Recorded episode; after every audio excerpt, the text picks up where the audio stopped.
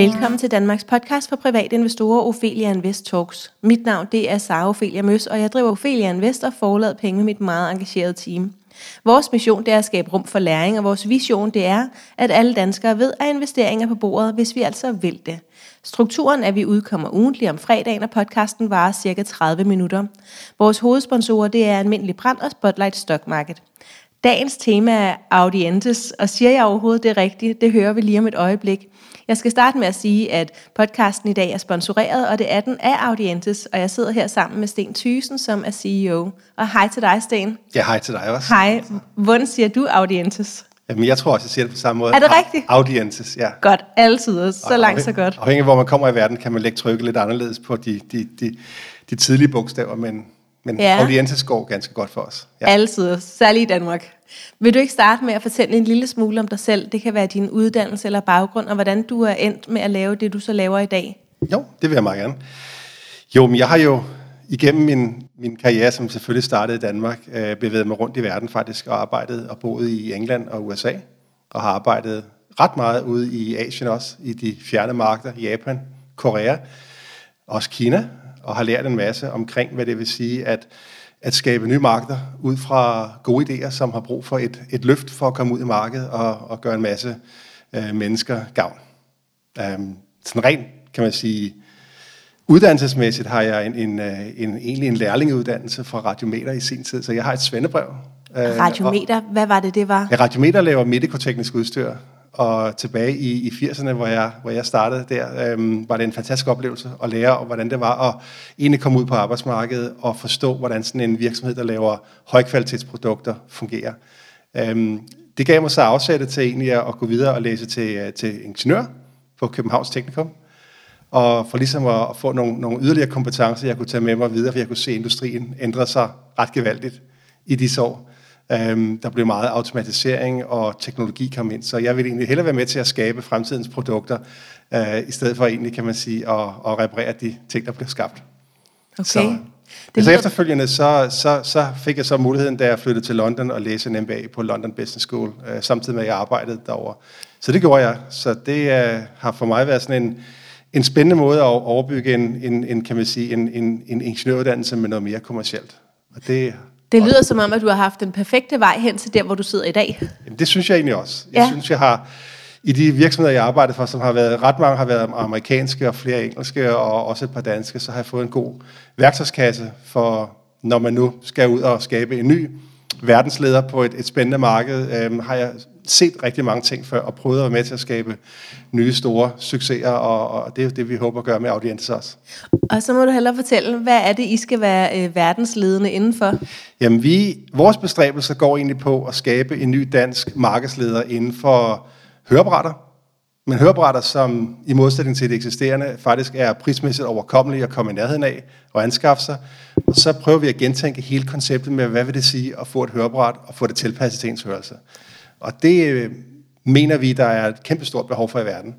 Og i Danmark, eller ja. mest i resten af verden? Nej, det er så mest i resten af verden. Ja, så, vi, så vil det være et dansk produkt også? Vil jeg have lyst til at købe det over de andre muligheder, jeg har?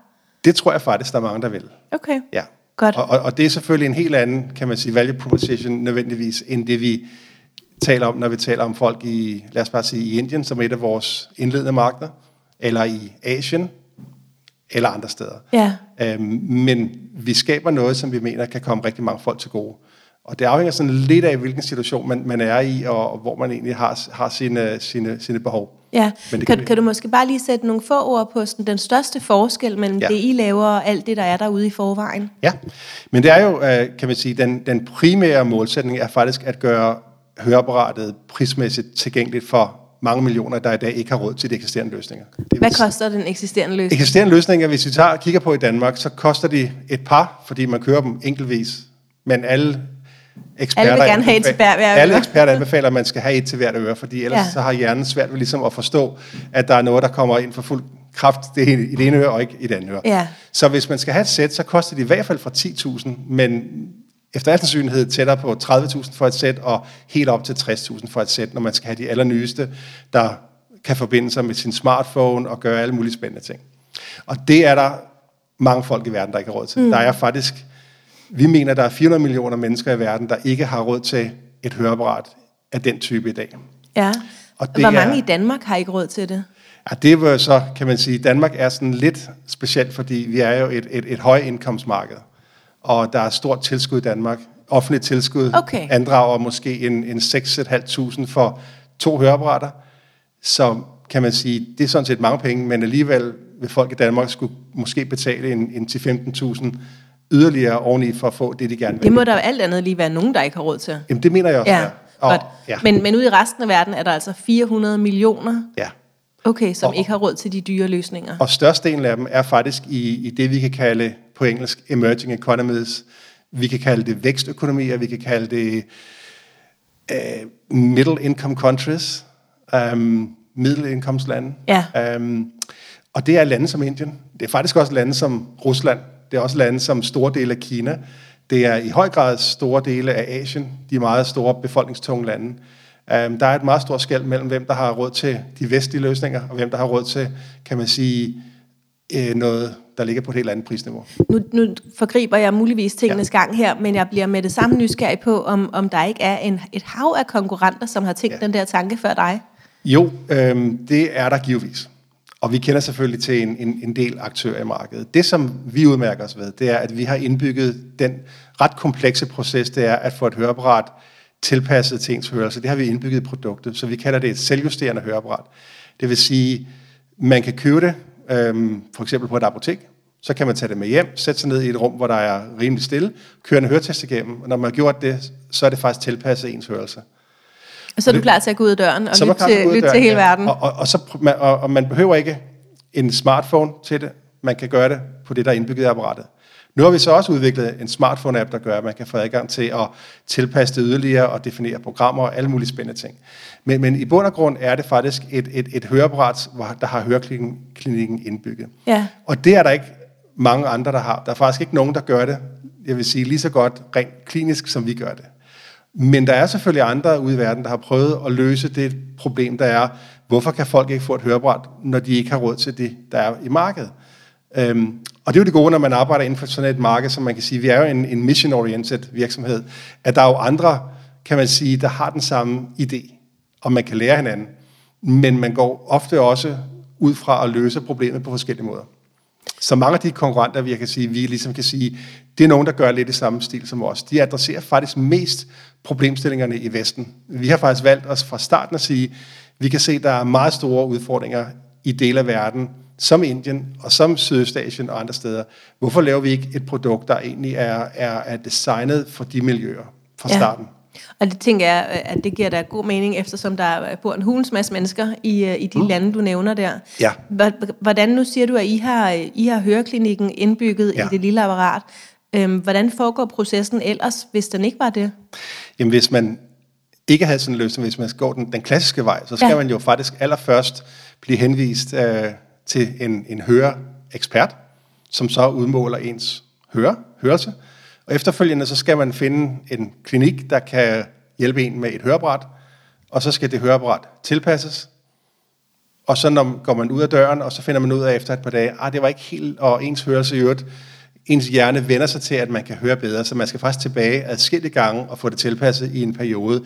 Og det er der faktisk mange folk, der egentlig aldrig gør. Så de ender op med et hørebræt, der ikke er tilpasset ordentligt. Ej, hvor og så bliver folk ked af det, og så ligger ja. de i skuffen og siger, det der, det hjælper mig ikke. Nej. Hvorimod, kan man sige, med vores, der vil man kunne køre en høretest, når man har brug for det, og man kan kunne tilpasse det selv ved hjælp af, kan man sige, de, de justeringer, der er på, på produktet.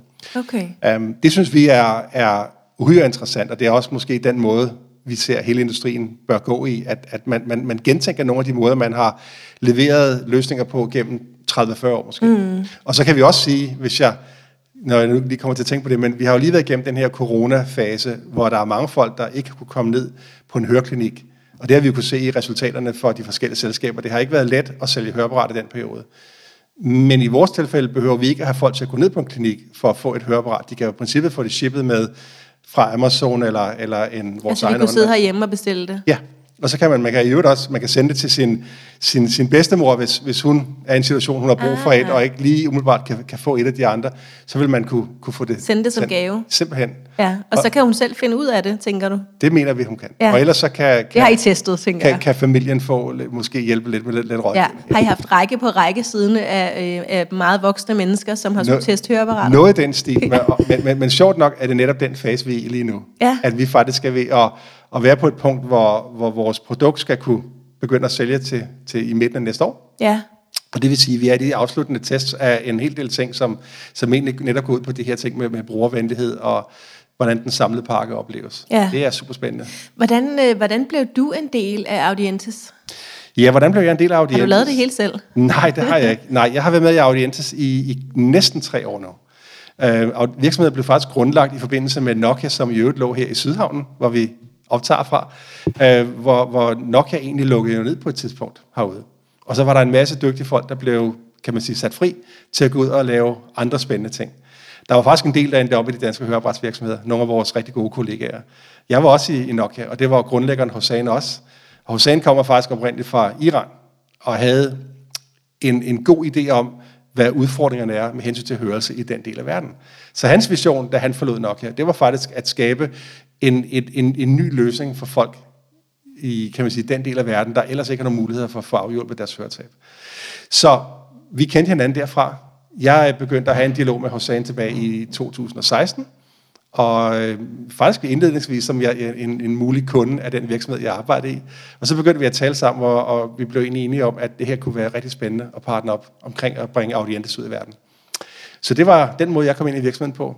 Hvor længe havde han været i gang der? Han havde været i gang siden 2014. 14, ja. Ja, og havde samlet et team, team omkring opgaven, og havde arbejdet på nogle, nogle koncepter og udviklet den softwareplatform, der selvfølgelig er i produktet, og, og hardware, og i øvrigt kan man sige med, med støtte fra blandt andet Markedsmodningsfonden i, i Danmark, og en række private investorer, for ligesom at, at komme op og få, få skabt det her koncept, man kunne gå ud og, og teste med. Så Audientes har været i gang i seks år? Ja. Ja, hvad, hvad, hvad sagde du, Husaren? Hjelve. Ja, hvad er hans ja. rolle nu? Jamen, Hossein er vores øh, grundlægger og vores øh, Chief Technology Officer. Så Okay. Hossein står for hele platformen i, i produktet, og kan man sige visionen om, hvordan det skal udvikle sig. Og hvordan kunne det så være dig, der skulle sidde på den rolle, som du sidder i nu? Jamen det er jo fordi, når vi kigger på, hvordan vi sætter det stærkeste team, øh, så min baggrund er faktisk at, at opbygge virksomheder øh, internationalt set. Og øh, det vi står foran med Audience er netop at, at tage den her, kan man sige, vision ud i verden og, og få folk til at købe ind i den. Og det er det, som jeg nok er bedst til. Okay. øhm, og så har I været i gang i seks år. Ja. Altså teamet har været i gang i seks Yes. år. Du har været med i tre år. Ja. Og I skal først til at producere nu? Mm. Ja, det hvordan kan det være? Det er jo fordi, når man, når man udvikler, man kan kalde deep tech, så har man brug for at bruge noget tid på en at finde ud af, hvad er det for et problem, man løser, og hvad, hvordan kan det bedst tilgås. Og når man skaber, lad os bare sige, mere avanceret software, som skal indlejres i produkter, der skal kunne shippes i høj kvalitet, altså inden for det felt, man kan kalde medtech, så er der en, en, en længere kurve for at bringe et produkt fra idéstadiet til markedet. Um, vi ved, der er nogle kan man sige, de store virksomheder, der måske tager 10 år for at udvikle en ny chip og bringe den ud i produktet. Okay. Ved. Så, så man kan sige, det at, at når vi starter som et team med at realisere en idé, så, så er vi faktisk øh, stadigvæk inde på sådan de der marginalerne der, at, at, at det faktisk er, er rigtig godt. Ja, Men nu er, nu er vi også ved at være klar. ja. Og det er jo så derfor, vi går på, på børsen også. Så alle vi andre kan komme med på Yes, rejsen? det er det faktisk. Ja. Og en af, en af årsagerne til det, det er faktisk, at som en del af vores mission om at hjælpe millioner af mennesker verden over, som har dårlig hørelse, som ikke kan finde en løsning i dag, det er faktisk at demokratisere adgangen til høreapparater. Og det vil sige, når vi har den vision, så bør vi også ligesom tage skridtet videre og byde de folk ind, som kunne være interesseret i at komme ind som investorer og være med på den rejse. Og, og, og det er jo der, hvor man kan sige, at børsmarkederne passer perfekt, mener vi, til en case som vores, fordi vi er meget impactorienterede, og vi har en klar målsætning, og vi har, kan man sige, en strategi om at, at hjælpe mennesker.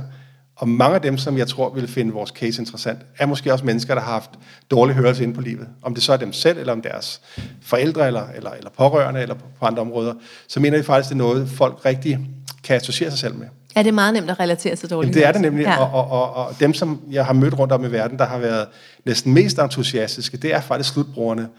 plus dem, der skal sælge det. Og mm. det synes jeg er et godt, godt tegn på, at, at vi står med noget her, som har meget høj værdi. Hvad har I tænkt om de andre måder, I kunne have skaffet øh, penge på? Ja. Jeg tænker, der må have været Øhm, der må der have været en del sådan, private store investorer, altså angel investors og sådan noget, som, som gerne ville have stillet sig i kø for at være med til det. Men der er også angel investorer inden over audiensforsvar. Ja, som har betalt ja. for rejsen fra, Absolut, fra først ja. til nu. Og, og så er der også i høj grad, vil jeg sige, det man kan kalde sweat equity, at der er virkelig mange, der har arbejdet for at realisere det her. Øh, så, så vi er så, kommet... Så de ejer, du sagde, du sagde sweat ja. equity, ja. altså så, så, så svedkapital? Ja. Jamen, det er det, man kalder ja, ja. det. Og, så de har arbejdet for at få nogle små andele ja. i virksomheden, men uden løn? Ja. Er det sådan noget i den stil? Ud fra ja. man sige, warrant, som man, man kender det. Ja. I, og en warrant, det er en, man må købe noget Det er en, en ret til at tegne en, en, en anpart eller en, en aktie på et, et tidspunkt i fremtiden til ja. en pris. Ja. Godt. Og det er jo, kan man sige, jo en af de ting, der er svære i Danmark for iværksættere at håndtere. Øh, der er nogle beskatningsregler og alt muligt andet, som gør det, gør det svært for mange øh, at, at håndtere det. Men altså, det er den måde, vi er kommet igennem den her udviklingsfase og, og testfasen på. Men som sagt også med støtte fra blandt andet Markedsmålingsfonden og øh, kan man sige, har muliggjort, at vi har kunne komme ud og skabe egentlige prototypeprodukter, vi har kunne teste med i Indien blandt andet, og få rent faktisk feedback fra virkelige mennesker omkring Og kan du ikke fortælle lidt mere ja. om det, fordi det lyder rigtig spændende. Ja. Hvordan har øh, de her seks år, hvordan har rejsen været? Hvor lang tid går der med det ene og det andet og det tredje? Nu siger du, at, øhm, at mange øh, store virksomheder kan bruge 10 år på at udvikle en chip ja. osv. Ja. Øhm, så i den forstand er I jo hurtige ude, øh, ude af busken her. Øhm, for os almindelige mennesker lyder det måske, altså jeg synes, det lyder som lang tid at, at sidde og udvikle, og, og det mm. ved jeg jo godt, at det gør, men det er jo ikke sådan, min verden øh, foregår til hverdag. Nej. Så kan du ikke prøve at fortælle lidt om, hvad er processen, øhm, og, og hvornår går man ud af, af laboratoriet, eller hvor det er, I sidder og laver jeres ting altså, og snakker med folk? Jeg vil sige, indledningsvis er der helt klart en periode, hvor det gælder om at forstå problemet, man prøver at løse og hvordan det kan løses på den bedste måde. Hvordan gør man det? Hvordan det gør man jo, man det? Altså, man gør det i høj grad ved at, at studere, kan man sige, um, best practices og litteratur, og gå ud og tale med eksperter rundt om i verden, og derefter tale med slutbrugere, kigge på tekniske muligheder, og så når man ligesom kommer igennem den proces, begynder man at kunne formulere et egentlig, kan man sige, et egentlig løsningskoncept. Og det vil sige, nu om stunder består det jo, og i høj grad i vores tilfælde, af, af hardware. Vi er jo en, en produktvirksomhed, så vi skaber faktisk et fysisk produkt, som mennesker skal kunne købe et sted og tage med hjem og bruge. Og det vil sige, at der er en masse betragtninger omkring udformningen. Hvordan skal det designes? Skal det være den ene eller den anden form? Um, softwaren, typisk skal det jo indlejres i produktet, det vil sige det, man kalder embedded software. Det vil sige, og det er i princippet software, man egentlig ikke kan se, men det er der. Og det gør, udfylder nogle, nogle funktioner. Når man trykker på en knap, så sker der noget. Og den del af det er jo, kan man sige, det er jo noget for sig. Og så er der det, som andre folk kan se, som er på en app, hvor man ser nogle, nogle pæne, spændende farver og nogle knapper, man kan trykke på. Det er jo så, kan man sige, på, på kan man sige, smartphone-niveauet. Ikke? Og alle de der ting er noget, som der egentlig skal, skal designes og udvikles og testes og itereres på. Og så til sidst, så står man med noget, som man mener, nu er det det, vi går til markedet med. Og det er der, vi står nu. Spændende. ja. Og, og, og har, altså, har I været nede i Indien og teste yes, sammen med uh, indiske borgere? Ja. ja, og også, kan man sige, en, en indiske partner, som netop sælger høreapparater i dag. Og som, I Indien? I, i Indien, ja. Og i, i Bangalore og, og Mumbai og nogle andre steder. Men i princippet så er det nogen, som sælger øh, produkter som dem, vi talte om tidligere. Altså dyre, vestlige, mm. fabrikerede høreapparater, som faktisk i Indien koster det samme, som de koster i Danmark. Der er ikke noget prisdiskriminering, der gør, at de er billigere i Indien. Det er direkte Det lyder jo helt absurd, fordi en indisk familie tjener vel markant mindre, end vi gør. Det er helt vildt. Altså, når, når, man, når, man, når man ser, hvad, hvad sådan et, et, et avanceret miniatyr øh, høreapparat kan koste i Indien, øh, så ved man godt, at det er meget få lad os bare sige millioner af den der 1,3 milliarder mennesker, der har råd til at købe sådan et. Hvor, hvor, hvis man nu tager et, et, høre, et, altså et dansk høreapparat til, lad os bare sige 30.000, mm. hvad burde det så koste i Indien, hvis det skulle omregnes til deres levestandard? Jamen altså, i, i, i et land, hvor, hvor, hvor mange folk måske tjener mellem 7 til 30.000 dollars om året i middelklassen, så kan man ligesom omregne det og sige, hvis, hvis jeg så skulle købe et, et, et høreapparat til, til 30.000, som måske ville være det kunne være en, en, en, en sjettedel af min årsindkomst, så er det klart, så... Så to månedslønninger? Ja, det er det omkring, ikke? Okay. Eller mere. Ja. Og det er jo så der, hvor man kan sige, hvis vi kan, kan rykke noget på det ved at, at bringe et, et, et mere tilgængeligt produkt ind, der løser en række, kan man sige, systemiske udfordringer i Indien, blandt andet med mangel på høreeksperter, hvor folk selv kan køre høretesten, og så til en meget lav pris. Det må være en god løsning. Og det er så det, vores lokale partner, de netop ser, der er et behov for at lægge et produkt ind i, ligesom, i princippet ligesom når man går ind i Danmark og køber et par læsebriller i tier, øhm, til ikke så mange penge, og man kommer hjem, så har man løst et problem. Det er jo i princippet det samme, vi gør inden for hørelse. Så der er faktisk mange, der ser det her som sådan et, et slags entry-level produkt, hvor de gerne vil have det, så de ikke skal sige nej til kunderne. Det kunne jo være senere hen, hvis kundernes hørelse bliver endnu dårligere, at de har brug for andre løsninger, at de så kan komme igen. Mm. Så Godt. Mm. Og øh, nu har I nu har I lavet et øh, et høreapparat. Er der er der andre ting, der ligger? Har I nogle øh, potentielle produkter, I er Ja. delvist i gang med at udvikle, eller forestiller jer at udvikle senere? man har jo altid et roadmap i sådan nogle virksomheder som os, fordi når man arbejder på et, så har man jo mange idéer til, hvad vil man gerne lave som det efterfølgende. Men det vi har valgt at gøre fra starten er at lave et, et, et høreapparat, der er desi- designet som et headset. Så det er sådan, kan man sige, et anderledes koncept, end det man typisk går ud med. Fordi normalt ville de bare sidde fast på Normalt øret. sidder de, de sidder enten bag øret eller inde i øret. Vi har så lavet en, en, en model for os at kunne skabe det til den, den rigtige pris, men også lave noget, der er, er, er solidt og, og, og kan vare i mange år. I princippet, et, et, man, man, man, man bærer det omkring nakken, så det er skjult af ens øh, krav for eksempel, eller hår, og så har man sådan et par diskrete earbuds wires, der går op til ørerne. Det er vores koncept, den allerførste måde, vi har valgt at gøre det på. Men i det produkt ligger der jo softwareplatformen, og der ligger så muligheden for at skabe andre variationer af det design. Og det er det selvfølgelig, vi vil gøre i fremtiden. Vi, vi har jo helt klart ambitioner om at skulle ud og sælge altså mange hundredtusind hvert år om, om, om relativt få år. Og dermed også sagt, at det er jo klart, der skal, der skal andre produkter i markedet også fra vores side. Og det er jo det, vi selvfølgelig vil begynde at arbejde på, når vi, når vi shipper det første. Og kan du, øh, kan du fortælle lidt om, nu siger du øh, de, altså om, om allerede få år, hvad er det, der ligger øh, lige for nu? Hvad, hvad sker der de næste, ja. Øh, ja, lad os sige, fem år for jer? Ja. Det Hvad er det, vi køber, hvis vi jamen, det er jo en, investerer? en super spændende rejse, fordi nu, nu, nu kommer vi jo netop ud til næste år i markedet og begynder at få kontakt med, med, med de folk, vi gerne vil hjælpe. Det, der så skal ske rigtig meget af, det er, at vi skal dels investere i at udvide vores markedstilstedeværelse i Indien, samtidig med, at vi begynder at kigge i retning af de andre lande, vi ved, der er ønsker og behov for os. Og det er netop der, vi siger, USA, for os er det et, en, en meget stor mulighed, fordi også i USA har man den udfordring, at der er faktisk et stort skæld mellem rig og fattig. Øhm, de fleste nuværende fabrikanter af høreapparater, de laver jo i princippet dyre høreapparater for velstillede mennesker. Så selv i USA er der jo et stort skæld der, og der er mange folk, der ikke har råd til de produkter der også. Så regeringen er ved at få sat en ny lov i gang omkring over-the-counter hearing aids. Det vil sige, hvor man kan købe et høreapparat i princippet over disken. Og det vil sige apoteker, øh, drugstores, øh, elektronikforretninger, andre steder, og, som kan yde, kan man sige, et vist niveau af rådgivning i processen, men hvor, det, hvor hele købsprocessen er meget simplere, og hvor man formoder, at høreapparaterne bliver væsentligt mere tilgængelige prismæssigt. Og det marked skal vi ind på. Det sker til næste år. Så det for os er en af de ting, vi siger, for at kunne komme ind der, så skal vi ind og have vores øh, apparat godkendt af de amerikanske sundhedsmyndigheder. Det har, de har sådan en test for netop den type godkendelse, som vi skal, vi skal med på. Det er det, det, der ligger, jeg vil sige, umiddelbart foran os. Øhm, Så Indien og USA. ja, det er de to store øh, i vores strategi. Ja. Og Men- det er sådan på de næste fem år. Ja. Hvad, du nævnte også Rusland og Kina. Ja.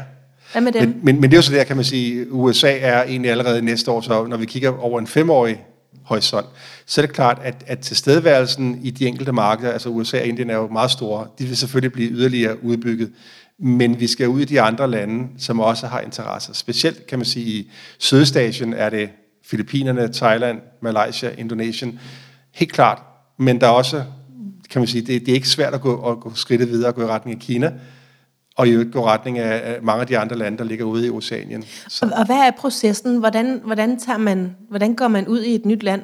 ja. Men, men, Hvordan, men, hvordan går man til Indien? Jamen, man, man prøver jo at skabe en model, der kan replikeres andre steder ved hjælp af, kan man sige, den, sådan lidt af en, en, en, en, en, en tilgang til markedet, hvor man, man, man har fundet ud af, hvordan man skal gøre de enkelte ting. Så, så det er jo i princippet sådan, Indien har jo 29 stater og, regioner, og USA har jo de der 50-51 stater. øh, og man må mange gange tage dem en for en. Men fordi man nu om stunder jo har online øh, salgskanaler, så er det jo klart, at, at man, man er faktisk til stede ret bredt allerede fra dag et. Og er det, er det, er det jeres tilgang, at ja. I går ud online, altså det så reklamerer online? Ja.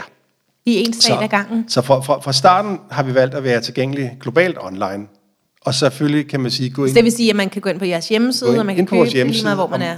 Og man kan gå ind på de, når vi får den sat op hen ad vejen, de forskellige e-tailers, der har til stor tilstedeværelse i de lokale markeder. Og der altså Amazon er jo ved at være til stede øh, næsten alle steder. Og så er der sådan nogle som Flipkart, som er meget store i Indien, Lazada, som er meget store i Asien, og dem, det er dem, man sælger produkter i stil med vores, kan man sige, der, der, der kan købes og bruges umiddelbart, når man får dem leveret. Okay. Og så er der også klart, at, at der er mange folk i verden, som godt kan lide den personlige betjening. Og det vil sige, det er derfor, vi siger, det vi kalder specialty retail, altså specialist detaljbutikker, mener vi er også utrolig vigtigt for os.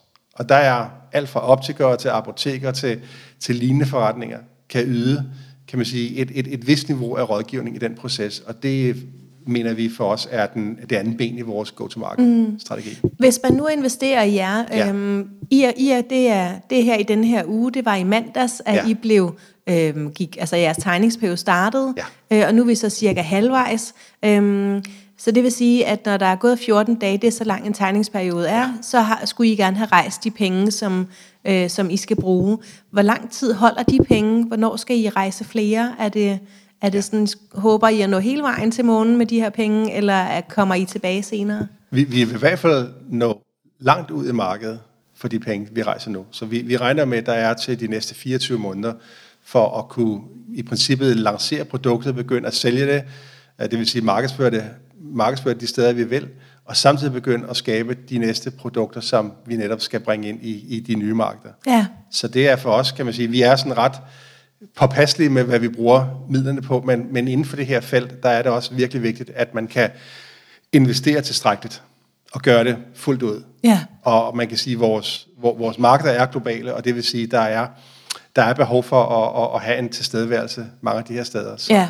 Og hvor mange penge er det, I gerne vil rejse den her gang? Jamen, vores, vores mål er at rejse 40 millioner kroner. Ja. ja, og så regner I med, at de holder cirka 24 måneder. Yes. Og hvis I så når i mål før, ja. så er det jo kun Men, godt. Hvad så om 24 måneder? Så, så kan vi forvente, at I kommer ud og tegner Ja, det kan man, igen. fordi vores, vores, vores mål er jo netop at skabe en forretning, der har vækstrater, der, der justificerer, at man kan, kan fortsætte den, kan man sige, vej frem. Det vil sige, at, at vi tjener nok penge hele tiden til at kunne investere i fremtiden. Og det vil sige nye markeder, nye produkter. Så, men vores, vores case er egentlig en, en, en break-even case, når vi kommer ud i 2024, er vi, har vi målsætning om at være rent faktisk profitable.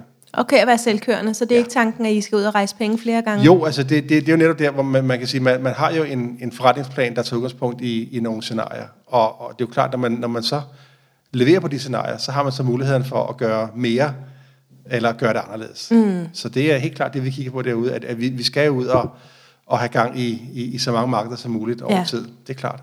Det er jo det, vi, altså, vi laver i princippet et produkt, som har global relevans. Og det er jo derfor, at, at vi skal også tænke på, hvordan kommer vi ud i de fjerne markeder. Um, om, ja. ja. Hvad, hvad synes du er det allervigtigste ved, ved Audiences? Jeg synes, det det meget vigtige ved Audientes, det er, at vi har identificeret et stort globalt behov, og vi har skabt en måde at adressere det på, som udover at det er, kan man sige, giver rigtig god mening, kan det også blive en rigtig god uh, investeringscase. Og hvis man en, gerne vil investere i jer, hvordan skal man så gøre? Jamen, så har man i princippet den, øh, den, den, den situation, at man skal sætte sig i kontakt med dem, der håndterer ens øh, aktiekøb. Det vil sige, det er jo typisk ens bank eller Nordnet. Øh, og der kan man finde mere information omkring os på, på den site, der hedder nyemission.dk. Um, det så det er derinde, at alle oplysningerne om jer ligger? ligger? Der ligger virksomhedsbeskrivelsen, som er et, et dirt værk, og der ligger en lidt mere tilgængelige uh, IPO-brosyrer, og en, Ja. ja. en, en rigtig, uh, synes jeg, god video, vi har lavet, som vi prøver at kommunikere, hvad det egentlig er, Og en tegningsblanket også. og en tegningsblanket. Ja, også, og den skal man jo kun bruge, hvis det er, at man ikke kan gøre det øh, online via Ja. sin bank. Det Ikke? er korrekt. Yes, okay. Hvad synes du, det, det vigtigste, som, øh, som lytterne skal tage med sig fra, øh, fra det, du har haft tid og fortalt her? Hvad er det allervigtigste? vi Jamen, hvis, hvis man kan relatere det til, til vores case, så er det jo ligesom den mulighed, at man kan være med til at have en stor øh, effekt, samtidig med, at man, man, man, man, man sætter sine penge i en case, der rent faktisk vil kunne give et godt afkast også. Så impact-casen, Det er en det, er det, impact det, er det vigtigste. for os. Altså, vi, ja. vi, vi leder egentlig med at, at, at, at tage, kigge på de her verdensmål og sige, hvad er det, vi mener, vi i vores virksomhed kan gøre for at, at, at, at hjælpe der. Og der har vi identificeret i hvert fald tre af de mål, hvor vi mener, med vores arbejde vil vi kunne have en, en mærkbar forskel i verden. ja. Kan, hvad er det for tre mål? Men det, det er så der, hvor, hvor man kan sige, at øhm, mennesker med, med dårlig hørelse er ofte øh, udsat for øh, en hel del stigma. ja. Og det vil sige, at de bliver behandlet dårligt. Det vil sige, at et af de klare punkter, vi, vi kigger på, det er det der at mindske uligheden i verden. Så når du har hørelse, så er du ligesom Så kan du være med, i ja, dialogen igen. Ikke? klart. Men vi ved også godt, at mange mennesker med dårlig hørelse, specielt i de lande, vi kigger på, de kan ikke opretholde et arbejde. Og det vil sige, at de går i sådan en negativ spiral, mm. rent, øh, kan man sige, økonomisk, og de bliver fattige. Og når de er fattige, så har de ikke råd til at passe på deres familie, så der er en masse afledte effekter. Og så kan man sige, at det, det sidste er, hvis man har dårlig hørelse, så får man også dårlig livskvalitet. Og specielt hvis man går med dårlig, altså med dårlig hørelse mange år, så ens hjerne kobler ligesom af. Og ting som demens og andre kognitive udfordringer er faktisk noget, der begynder at blive ret sådan, øh, ofte forekommende. Så, så, og det så, kan man sige, verdensmålet, det, det, det sidste, det er så det, der hedder sundhed og trivsel, mm. som er nummer tre. Um, og etteren, det er afskaffe fattigdom. Så det er dem, vi mener, vi, har, vi kan have en mærkbar øh, impact på. Ja. Øh, og, og tør, vi, vi tør godt tale om den, og det er I vigtigt. tør godt at sige det højt også, Det ja. tør vi også godt, ja. Fedt. Det var rigtig, rigtig spændende, Sten. Tusind tak, fordi du ville være med. Ja, tak for det. Og til dig, der sidder og lytter med, du kan følge Ophelia Invest på Facebook, Instagram, YouTube og LinkedIn. Feedback er altid velkommen. Har du ris, ros og forslag, så send os endelig en mail på kommunikationsnablag.opheliainvest.dk. Du er meget velkommen til at give os en rating inde på iTunes eller der, hvor du hører din podcast. Vi håber, du har lyst til at komme ind og spare med os andre i Aktieklubben Danmark og Kvindelogen på Facebook. Vi har også en medlemsklub, der hedder Ophelia Invest Club, hvor du kan lære at investere og lære at lave aktieanalyse og generelt blive meget klogere. Den finder du inde på opheliainvest.dk. Og så er der bare tilbage at sige tusind tak, fordi du lyttede med.